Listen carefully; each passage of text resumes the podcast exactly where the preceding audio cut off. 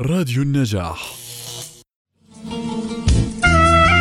تتعدد أنواعه وتتنوع ألوانه ويختلف شذاه فذا بزجاجه صغيرة ورائحة نفاذة وذا بزجاجه كبيرة ورائحة آسرة لطيفة.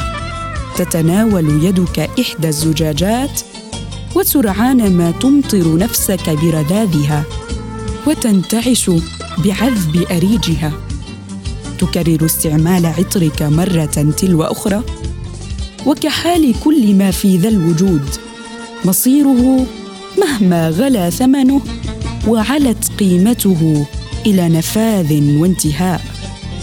لكن زجاجة العطر إن نفذت فلم يبقى فيها بقية تستعمل يبقى أريجها فيها وتبقى أنت كلما قربتها من أنفك تنتعش بالرائحة الزكية التي ما زالت عالقة بها.